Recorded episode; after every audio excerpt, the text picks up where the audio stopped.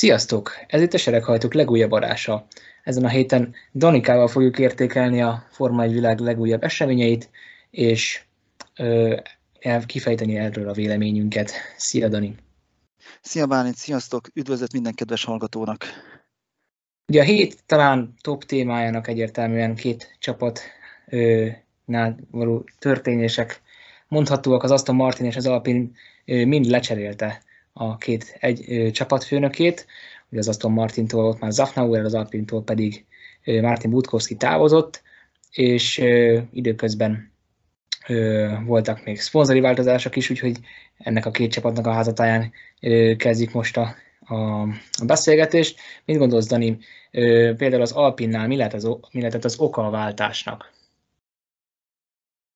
Pontosokat nem tudok rá mondani, mert igazából nem volt rá nagyon okuk arra, hogy így hirtelen megint változtassanak. Az elmúlt időszakban a Renault Alpinál mindig az volt, hogy mindig valahol eljutottak nagy nehezen az év végén, utána pedig jött a tél, elkezdték az egészet felforgatni, és ez megint kezdődött, kezdődött majdnem minden szinte előről. Ez volt 2020-ban is, kitalálták, hogy jön az Alpin, kitalálták ezt a dupla csapatfőnökös felállást a korábban említett Martin Butkowskival és a, Suzuki, és a MotoGP Suzuki csapatától jött Davide Brivioval, és már a nyár közepén és az őszén már jutottunk oda, hogy egyrészt Briviót már elkezdték eltüntetni, már nem is nagyon volt a csapat közelében, míg Butkowski, Butkowskitól pedig most köszöntek el. Szóval ez már az Alpintól már egy hagyomány, hogy így minden egyes télen úgy hogy felforgatják, de hogy a pontosokát azt én sem értem teljesen, mert nem volt nagyon okuk, mert ez amúgy is csak egy átmeneti év volt számukra. Így van, és nem is teljesítettek olyan rosszul ebben az évben, ugye gondoltunk Okonnak a Hungaroringi győzelmére, vagy éppen a szezon második felében Katarban azért találkozó dobogóra. Tehát valóban eléggé ellenmondásosnak tűnik ez az ítélet. A, az Aston Martinnál mit gondolsz, hogy indokoltabb volt egy csere? Ott sem feltétlenül, mert ott egyértelműen azért estek vissza ott a mezőnybe, mint a szabályváltoztatások őket érintette a legjobban. A Mercedes után ők voltak, akik a legjobban szenvedtek a levágott padullemez, levágott padullemezek miatt. Ott inkább az játszott közben, hogy a csapatfőnök Safnover nem igazán jött ki Strollal, és ja, és emiatt, emiatt kényszerült igazából távozása. Mert ő már korábban is, már a nyár végén nem, nem is a nyár végén, mikor talán november, novemberben a brazil vagy a Katari nagydíj, nem tudom, ebben te meg tudsz erősíteni, mikor kezdtek erről pegykálkodni, hogy távozik Safnauer? A Katari nagydíj szerintem az már egy elég erős időpont lehetett, akkor már eléggé igen, igen. Eztek ilyen hírek. Igen, igen, és ott még határozottan arra emlékszem, hogy mondta, hogy ő nem, ő, ez mind csak pecska, spekuláció, ő marad, aztán pedig már január második felére már, a január másodikára már arra ébredtünk lényegében, hogy így Safnauer out, és a csapat szépen megköszönte neki a 13 évi munkáját. Szóval ez számomra így sokkal, hogy hívják, sokkal váratlanabb volt így első körben, de jobban belegondolva voltak előjelei. Pláne úgy, hogy az Aston Martinnál nagyon nagy az elégedetlenség a mérnöki fronton Mr. Stroll miatt. Így van, nyilván a tulajdonos úr komoly sikereket szeretne minél hamarabb elérni. Ö, ugyanakkor nagyon érdekes, hogy az Alpine még nem nevezte ki az új emberét, de az Aston Martin már tulajdonképpen egy hét se telt el szinte, és ki is nevezte az új vezért. Mit gondolsz, mennyire jó döntést hoztak azzal, hogy egy Mike Crack nevezetű Forma 1-ben az utóbbi évtizedben eléggé kevéssé ismert szakembert neveztek ki a cég élére, vagy a csapat élére. Lehet, hogy kevésbé ismert, viszont ez nem jelenti azt, hogy nem lehetne majd sikeres. Ahogy érzem, lehet, hogy Mr. Stroll rájött arra, hogy nem igazán jó, nem igazán jó csapatfőnöknek. A, ahogy a McLarennél Zach Brown megpróbált kvázi csapat, csapatfőnököt játszani egy számára ismeretlen környezetbe, belebukott. Lehet, hogy Mr. Stroll is eljutott erre, hogy az a fajta kontroll, amit ő gyakorolt az Aston Martinnál, az nem megfelelő. És hogy váltani kell. És akkor, hogyha már egy másik korábban középcsapatról vett példát, a mclaren hogy ő is kinevezett egy nagyon nagy ö, tekintét Mike Crack személyében, aki korábban a BMW-nek volt a globális motorsport program, programjának az irányítója. Ő egyszerre felügyelte lényegben a Formula E, a GT sorozatok, az IMSA, a hosszú távú világbajnokság, a VEC-nek a programját, illetve már az új Lömani LMDA szabályokban is már LMD szabályok szerint futó sportautóknak a fejlesztésének a vezetője is volt lényegében. Szóval én nem mondanám azt, hogy hátrányban lennének.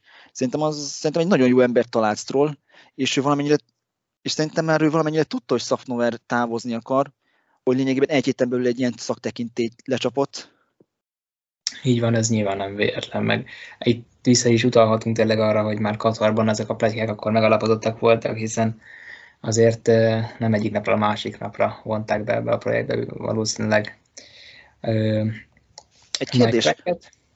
Szerinted, szerinted megvalósulhat az, amit, szok, amit, így, amit így rebesget, főleg a motorsport.com, hogy Safnauer az Alpinhoz fog kerülni, és ő lesz végül az ottani csapatfőnök? Vagy tényleg hát, ott valaki mást tudná elképzelni? Én személy szerint nem láttam teljesen alapját annak a struktúrának, amit az Alpin csinál ezt a kettős vezetést, és ha én lennék a vezető, akkor, akkor David de Brivio-nak több területet átadnék, és így kinevezném Unblock ö, csapatfőnöknek. Ugyanakkor szerintem Zaftonra is egy remek szakember, és megvan benne minden ahhoz, hogy az Alpint jól vezesse. Nem tudom, te hogy látod ezt? Szerintem ez a duplás, ez nem igazán működött mindig a, leg, a legjobban. Főleg az év, hát nem is az év, de, de mondhatjuk az évás elején, igaz, hogy Okon hozta, de nem volt mindig szerintem így egyértelmű, hogy az Alpinál ki volt a, ki volt a csapatfőnök, mert oké, okay, hogy fel volt osztva, hogy Butkowski volt mindenért, ami a pályán kívül, a versenypályán kívüli, és Brivio, ami a versenypályán belüli. Ha jól emlékszem, ez volt a felállás. Így van. De ebből nem, nem, igazán lát, nem igazán tűnt egy működőképes koncepciónak, és, és én, én sem vagyok annyira hívne annak, hogy egyszerre két csapatfőnök lehet egy 1 csapatnál az működhet, mint amit a Ferrari kitalált, hogy van Mattia Binotto, mint csapatfőnök, kvázi irányító, és akkor közvetlenül alá magához beosztotta a Laurent meg is, mint sportigazgató, és egy csomó feladatot átdelegált neki, de attól függetlenül ő maradt a kizárólagos főnök. Lehet, hogy az Alpinnak is egy ilyen struktúrában kéne gondolkodnia. Viszont csak abban reménykedek, hogy azt a közvetlen főnököt nem úgy fogják hívni, hogy Fernando Alonso, mert ő egy nagyszerű pilóta, de már a McLaren is bebizonyosodott, hogyha ő is megpróbál csapatfőnökösködni, akkor az nem sikerült jól. Ez egy érdekes időszak volt Alonso pályafutásában, és mindenki kíváncsi várja szerintem, hogy mit fog majd tenni a spanyol klasszis, hogyha visszavonul, így igazán másodjára. Viszont arra lennék kíváncsi, hogy szerinted mennyire tudja ez erősen befolyásolni a mind az Alpin, mind az Aston Martin projektjét ugye a jövő évre, az idei évre, 2022-es nagy átállásra, hiszen ilyenkor azért nyilván elég, elég nehéz úgy dolgozni, hogy leváltják a földön lévő szakembert, és közben egy teljesen új koncepciót kell megálmodni, kivitelezni. Ez azért nyilván nem egy egyszerű időszak egy csapat életébe, és amikor kell, ilyenkor kell váltani, az azért eléggé visszavetheti a fejlesztéseket mindkét is hazatáján. Szerinted? Szerintem bizonyos szempontból még körülbelül még egy ilyen nagyjából jó időpontot találtak meg, hogyha nagyon le akartak volna váltani. Miért gondolom így? Az autókat már elkezdték már összerakni. Ez lényegében innentől kezdve már a technikai igazgatók feladata, hogy az autó elkészüljön. Ilyen szempontból a csapatfőnöknek nagyon erre nem kellene, hogy befolyása legyen a csapatfőnök váltásnak, hogy a technikai igazgató mit csinál és hogyan irányítja az autó összeszerelését. Amiben, amit említette, viszont a probléma lehet, az majd az három-négy hónap múlva esedékes első fejlesztések, ami így idén ötödik futam a Miami, körülbelül addigra kéne majd megérkezniük, na azokra már nagy hatással lehet ez a csapatfőnök ki csapatfőnök, ö, á, ö, csapatfőnök vesztés, és egy ideig, és egy ideig lévő üres vákum. Mert azokra már tényleg az irányítás hiány az már arra visszaveteti és inkább jobban itt az Alpint, mert ők még mindig nem találták meg, még nem találták meg az új csapatfőnököt, míg az Aston Martinnal ez tényleg egy hét alatt sikerült megoldani. Így van, és pont, ahogy beszéltük korábban, nem olyan benne biztos, hogy korábban már nem vett részt ebben a közös munkában Mike Reck, nem kapott olyan információkat, amivel még a hivatalos bejelentés előtt már úgymond fel tudott készülni a csapatról, a fontos emberekről, kivel mit kell majd megbeszélni. Szóval azt mondod, hogy már, hogy már titokban már egy titkos e-mail címmel már mentek már egy a csapat meeting, csapat meeting leírások így neki. Hát sose lehet tudni. Sose lehet tudni. Én a, a vezetőség helyében valamennyi információt már nyilván csepeltettem volna, főleg az után, hogy, hogy egyre közelebb kerültek a végső megállapodáshoz. Minden esetre nagyon érdekes lépés szerintem, mert ahogy mondtad korábban, ezzel talán Lorenz Troll kicsikét elengedi a kezét majd Mike a technikai téren, és ő inkább egy ilyen András Zajdőhöz hasonló csapatfőnök lehet majd, aki, aki jobban azért hozzá tud nyúlni a technikához, és én emiatt személy szerint nem annyira aggódnék az Aston Martin fejlesztéséért, első fejlesztéséért, mert látszik, hogy Crack egy nagyon felkészült szakember, és, és tényleg pont, ahogy beszéltük, valószínűleg több alapja van itt a csapat, csapatfőnök váltásnak, mint az Alpinnál, hiszen ilyen korán valóban nem véletlenül ki tudnak nevezni egy új csapatfőnököt, ráadásul egy ilyen nagy nevet. Miközben távoztak a csapatfőnökök, közben jelent meg a hír is arról, hogy a BVT úgy döntött, hogy felmondja a szponzori megállapodást az Aston Martinnal, és inkább megy az Alpinhoz, ahol valószínűleg ismét nagyobb szerepet tud kapni a rózsaszín. Nem tudom, te ezt mennyire várod, de nekem ez az Alpin kék jobban a szememre fog tetszeni, mint hogy csak ezt így szimplán így hagyják, mint hogy oda, oda teszik még a rózsaszín pötyit is. Így van, mondjuk valljuk be azért a, a zöld rózsaszín kombó se volt valami túlságosan ö, látványos, hogy úgy fogalmazzunk az utóbbi évben. Ugyanakkor szerintem ezzel se az Aston Martin, se a BVT nem volt elégedett, ugye a BVT többet akart, az Aston Martinnek meg, ahogy ők is mondták, azért elrontotta a festését. Nem mondták ki, hogy a rózsaszín, de utaltak rá mondták, ígérték, hogy idén változtatni fognak, úgyhogy arra kíváncsi vagyok. Az Alpinnál meg egy nagyon-nagyon erős úgymond francia nemzeti koncepció van, ezért azt nem várom semmiképpen se, hogy a francia zászlónak a három színétől megváljanak. Érdekes lesz látni, hogy melyik színhez próbálják majd hozzá csatolni a rózsaszínt, melyik területére fogják felvinni az autóra, de nem várok egy Racing Point-szerű teljesen rózsaszín autót, pont az Alpinnak és a mögött álló cégcsoportnak a határozott elképzelései miatt. Ugyanakkor valamilyen módon meg kell majd nagyobb területen jelenni a rózsaszínnek. Nem tudom, hogy te mit vársz, melyik részén az autónak, első szán, hátsó szán. Most így belegondol, most így belekezdtem, hogy belegondolni, és lehet, hogy az lesz, mint amit ahogyan a ferrari idén volt ez a hátsó piros, majd átment abba a burgundi vörösbe, amit az ezedik nagydíjukon használtak Mugellóban, hogy egy hasonló megoldás lesz, csak náluk így az első szárnál kezdődik, abból átmennek a piros, egy ilyen pirosas koncepcióba, úgy egy fehér, meg egy kék. Uh-huh, igen, vagy akár fordítva, igen. A fordítva. Nézhet ki olyan rosszul. Még hát, hogyha már, több hát hogyha hozzá a színhez már mindenféleképpen ragaszkodnak, akkor ez legyen, de ne az legyen, mint ami az idejében volt, hogy az Alpinnak a nem, nem az Alpinnak, az Aston Martinnak a, a glóriája volt rózsaszín, ugye? Ö, ne, hát igen, egy csík rajta. De nem, csík, nem, csík, csík. Igazából oldalán futott a csík, meg az első szárnak volt az elején. Glórián talán nem is volt. Szóval igen, ebből szempontból, hogy ennyire maradt meg, picit ért, ért, ért, ért, érthető, hogy az BVT váltani akart. Viszont ez, viszont ez mekkor, szerintem ez nagy kiesés lesz így az Aston Martinnak is szponzori pénzekből? Ő, szerintem maga az Aston Martin a tavalyi évben lépett ezen a területen nagyon erőre, mert a Cognizant-tal való együttműködése szerintem egy sorsdöntő lépés, látszik, hogy mennyire megjelenik a felületeiken, nyilvánvalóan komoly hozamot hoz a csapat házatájára, és emellett pedig még van további 20 kisebb-nagyobb, több mint 20 kisebb-nagyobb szponzor szerintem, plusz még a Stroll anyagi háttérrel nem lesznek nekik financiális problémáik. Az Alpinál meg jól jött, mert bár ott is főként, ott is sokat szponzor, de ezek főként kisebb támogatók, és, és ott pedig a, a, a, már a Castrol az egy komoly támogatója a csapatnak, de rajta kívül nem igazán volt, aki nagy összeget fektetett volna a listálóba. Szerintem igazából mondhatni, mind a három fél jól járt a vállással és meg az új, vagy a, az új szerződéssel.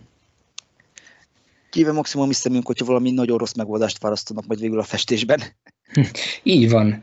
Viszont most épp azt vizsgálják, hogy vajon az Abu Dhabi egy nagyon rossz megoldást választott-e Michael Mazy és a formai vezetőség, vagy az FIA vezetősége, ugyanis a nemrégiben elnöknek megválasztott Mohamed Suleyem most indította el a vizsgálatot a decemberi események kapcsán. Mit gondolsz szerinted ez késői, korai, mennyire ideális időpont arra, hogy egy ilyen vizsgálatot lefolytassanak? Ez egy nagyon súny és időhúzó taktika volt szerintem Mohamed Ben Sulaimtől. Pontosabban először egy időhúzó taktika volt Jean Tottól, mert még hivatalosan még az év, évzáró, még ő volt még az elnök, hiába nem jelent már meg, de még akkor még ő volt a felelős, csak ő szépen fogta és Rizma az egész problémát így áttolta már az utódra, Szulány pedig az év végén így jó munkásként így hát évvégén már annyira nem kéne dolgozni, oké, okay, alakítsuk meg a bizottságot, mert csak ez történt hogy a december 15-i ülésen, hogy megalakították a bizottságot, de semmi konkrétumot még el sem kezdtek, hanem magát így a vizsgálódást is csak így januárban kezdték el. Szóval ez egy kicsit ilyen súnyi lépés volt, az az, az, az érzés, meg ilyen időhúzó stratégia volt a részükről. Uh-huh. Mert még a, igen, szerintem ezt, ezt, is, ezt is az erősíti, hogy valami időhúzó, mert hogy ilyen nem is jelentették be, hanem így csak az organizációs felé, organizáció, az FIA organizációnak a felépítéséből látszott az, hogy volt egy szerkezeti váltás. Erről még jelent is megposztunk a Facebook oldalon, a Facebook oldalon, hogy még látszódott, hogy 21. októberében még ott volt az együléses kategóriánál Nikolás Tombázis, és a mindenki által ismert Michael Mézi neve volt az egy, együléseseknél, majd az idén januári frissített ábrán, viszont már ott az együléses kategórián egyikem, egyik úriember neve sem volt ott, hanem helyette már csak Peter Beyer, aki a Formulautós Bizottság igazgatója volt, és mostantól kezdve pedig ő az új együléses kategória felelőse. Igen, ez nagyon érdekes, bár én személy szerint Zsantot részéről egyáltalán nem tartom sunyitolásnak azt, amit tett. Nyilvánvaló azért több mint 11 év munka után nem vagyok benne biztos, hogy így akart volna távozni, hogy egy nagy közfelháborodásnak tartott ügybe még belemártsa a kezét. Én szerintem az ő részéről tiszta alap, hogy tisztán akar távozni, igazából le akart köszönni. Azt én sem értem feltétlenül, hogy miért nem vágta vele magát egyből Ben a munkába, ahogy megválasztották. Ugyanakkor még nem tartom későinek azt, hogy most megkezdjék hogy a vizsgálatokat ennek a témának a kapcsán, hiszen még a szezon kezdetére sajnos több mint két hónapot várni kell, úgy, úgyhogy még ez egy ideális időnek tűnik a tesztekig is még közel egy hónapon hátra, szóval még szerintem ez egy ideális idő arra, hogy kinevezzen akár egy új szakembert, vagy letisztázza a Michael Mazivel kapcsolatos hibákat. Nem biztos, mert nem tudom, hogy olvastad, hogy a bizonyos határidők, hogy mik mikor érkeznek. Mert magát az eredményt, a vizsgálat eredményét a február 6-ai február 6-án lesz a következő motorsport világtanácsülése, akkor fogják ismertetni magával az FIA-val, meg az F1 bizottságával, Viszont a végleges vizsgálati eredményre csak márciusban az a Bahreini, nem is a barcelonai első tesztnapra, hanem csak a Bahreini első tesztnapra fog csak véglegesé lenni, hogy mi volt a vizsgálat eredménye. Szóval ott azért bizonyos szempontból már elég meleg lesz a pite két héttel a szezon kezdés előtt.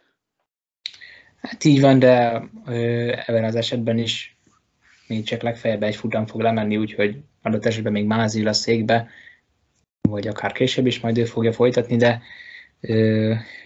de szerintem azon az egy, egy futamon nem fog múlni semmi extra. Utána, ha utána lenne egy váltás esetleg, akkor elmondhatná az új főnök, hogy mit szeretne látni a pilótáktól, mik a határok, mert szerintem a legtöbben ezt sérelmezték Mázitól, hogy nem, nem játszott úgymond tisztán, sokszor megengedett valamit, utána azt már nem engedte, meg utána megint megengedte, és szerintem itt a kommunikáció az, amiben nagyon sokat kéne fejlődnie az FIA-nak. Csak én még azt nem tudom, hogy kit választanak meg Mázi helyett, mert fő probléma azzal, hogy nagyon sokan követelik Mázi leváltását, az, hogy egyszerűen még így sincs egy olyan ember, akit így az FIA együléses, meg a Forma 1 berkein belül, akire le lehetne cserélni. Korábban pont ott volt Martin Budkowski is, meg a korábban Ferenynál említett Laurent Mekis is, akik szintén ugyanúgy még az egykori és, tag, és tragikus hogy Charlie Whiting alatt dolgoztak együtt Mászival, csak ők az előlépés hiányában pont, hogy távoztak. És így Mázi után nincs nagyon ember, akire így lehetne egy első mint számítani. Szóval ez egy még nagyon egy érdekes szituáció lehet.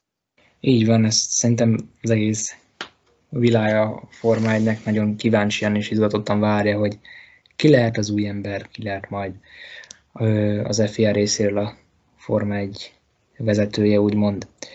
Ugyanakkor ne csak a Forma 1 foglalkozzunk, mert uh, csak részben kötődik a következő témánk a Forma 1-hez, ugyanis lassan kezd hivatalossá válni a Forma 2 jövő idei 2022-es mezőnye is, és egy nagyon nagy meglepetés az, hogy nincsen egy rész benne Ferrari akadémista, ugyanakkor 5 darab Red Bull Junior is helyet kapott az idei F2-es mezőnyben. Mit gondolsz, minek lehet ez az oka? A Ferrari már úgymond megtelt, vagy öm, nem sikerült annyira jó tehetségeket találniuk, illetve a Red Bull minek köszönheti azt, hogy most ismételten néhány év szület után talán náluk versenyeznek a legpotenciálisabb, legtehetségesebb versenyzők. Kezdjük a Ferrari-val. A 2020-ban a Ferrari-tól is ugyanúgy, hogy nem tetted, 5 darab akadémista volt a Forma 2-ben. Már akkor egyértelműen látszódott, hogy ez sok lesz, és onnan nem fog mindenki bejutni.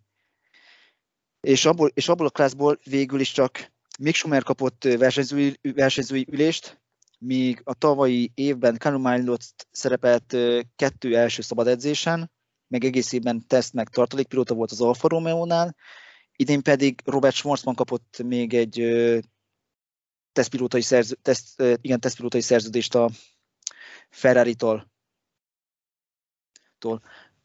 Az, azzal, hogy a Red már eleve az, hogy a Ferrari ennyi fiatalt hozott be, már jelezte, hogy majd valószínűleg jövőben szeretnének majd egyet váltani, és akár még Giovinazzi helyett is egy új juniorra inkább jobban koncentrálni, aki végül Mick Schumacher lett le, és szerintem lehet, hogy az Red Bull is hasonló irányba indul el, mert gondoljunk bele, az Alfa Taurinál jelenleg 2023-ra sem Gászlinak, sem Cunodának nincsen még szerződése, és ebből az öt fiatalból könnyen kikerülhet az a kettő, aki ott, ott végez a top 3-ban, és azt mondja neki Helmut Márkó, hogy te meg te feljöhettek ide, és megpróbálhatjátok a, a, a Forma 1-ben is. És itt most főleg Cunoda miatt aggódnék, mert még lehet, hogy még valahogyan Gassit még ráveszik arra, hogy még egy évet még az Alfa Taurinál legyen, de a Japánnál már inkább ott az lesz a kérdés, hogy a Japán mennyire tud majd teljesíteni. Így van, bár mondjuk pont az év végén a Budabiban már életező formát mutatott, és egy remek negyedik helyjel jutott a csúcspontját, valamint Törökországban is ugye voltak neki pozitív momentumai, főleg a Hamilton a szembeni védekezési, de ahogy mondod, szerintem nem csak Helmut Márkó, de mindenki sokkal többet vár, talán ő maga is magától az idejébe, főleg, hogy egy nyomás rajta lesz, így van. Egy kérdés, szerinted az, az öt junior közül ki az, aki, ki az a kettő, akinek a legjobb esélye lehet, aki így felkerül a Red Bull programból? Így van, egy nagyon jó kérdés, hogy az öt junior neve csak így gyorsan felevenítve, ez ugye Dennis Hauger, a tavalyi F3-as bajnok, Jehan Daruvala, aki a harmadik szezonját kezdi már meg az F2-ben, Jüri Vips, akinek ez a második éve lesz majd a második számú F1-es sorozatban, valamint ott lesz az a Jack Duhan, aki tavaly rendkívül... Duhan már nem... Duhan már nem... Igen, bocsánat, Duhan... Ivassa lesz a Igen. aki a Dempsnél kap most lehetőséget, valamint az a Liam Lawson, akit én személy szerint a legnagyobb esélyesnek tartok a jövő évi egyesülésre, ugyanis ő, ő a tavalyi szezonban amellett, hogy az F2-ben vitézkedett, és egyébként nem ment rosszul, és ő egész szép eredményeket tudott behúzni, igazából neki a, az évben a nagy sikeres az a DTM volt, ahova tavaly tulajdonképpen szinte Alexander Albon miatt szállt be a Red Bull, és ő volt Albon csapattársa, és ezt a DTM 2021-es évét kis ilyen beúzta a fiatal új-zélandi, ugyanis nagyon keményet csatázott Kevin van der Lindével, és végül nem is a dél-afrikaitól, hanem a a Mercedesnek egy másik pilójáját, ha érdekes ott is a Mercedes tudott úgymond beleköpni egy kicsit a, a Red Bull levesébe, mert ott is egy nagyon komoly, komoly versenyt folytatott, igazodt a Ferrari autóival a Red Bull a Mercedes ellen, és ott végül egy nagyon hektikus utolsó záró futamon bukta el Lawson a bajnoki címet Maximilian Götzel szemben. Ugyanakkor én azt várom, hogy, én, hogy az F2-ben is komoly teljesítménnyel be tudjon robbanni, és, és akár a bajnoki címet is elérhetőnek tartom számára. Ugyanakkor a másik rivális, akit még mellette nagy esélyesnek tartok az F1-re, az, a, az Dennis Hauger, aki egyértelműen dominálta a tavalyi F3-as szezont, és idén is a Prema versenyzőjeként komoly esélye van arra, hogy bajnok legyen az F2-be. Te mit gondolsz? Ki lehet ez nálam, a... is ők, nálam is ők ketten vannak első viszont folytott sorrendben nálam Hauger az első és Lawson a második. Szerintem Hauger folytatni fogja azt, amit idén Oscar Piastri-tól láttunk, hogy megnyerte az F3-ot, majd a következő évben a Premával meg fogja nyerni idén az F2-t is. Főleg ez azért lehetséges szerintem, mert egy, a Prema még mindig úgy tűnik a legjobb csapat a Forma 2-ben, kettő, Taruvana személyében egy, bocsánat, hogy ezt mondom, de egy könnyebben legyőzhető csapattársat kapott, mint az a Lawson, aki Sargent mellett fog majd vitézkedni, aki pedig pont az amerikai nagydíjtól lett a Williamsnek a tartalékpilótája. Így van. Ebből a szempontból egyértelműen Haugerre várhat majd a könnyebb feladat, ugyanis ugyanakkor még nyilván majd mások is bele fognak szólni az F2-es harcba. Erről viszont majd egy későbbi adásban fogunk beszélni, amikor is jobban kielemezzük az F2 2022-es mezőnyét, és hogy kinek várjuk a legnagyobb, kitől várjuk a legnagyobb sikereket, bajnoki címeket és az F1-be való lehetséges potenciális feljutást. Erre a hétre viszont ennyi volt. Nagyon köszönjük, hogy velünk tartottatok. Köszi Dani a véleményeket, információkat. Nagyon szívesen. Várunk titeket legközelebb is, addig is kitartást, már nem sok van hátra, és újra felbőgnek a motorok. Sziasztok! Sziasztok!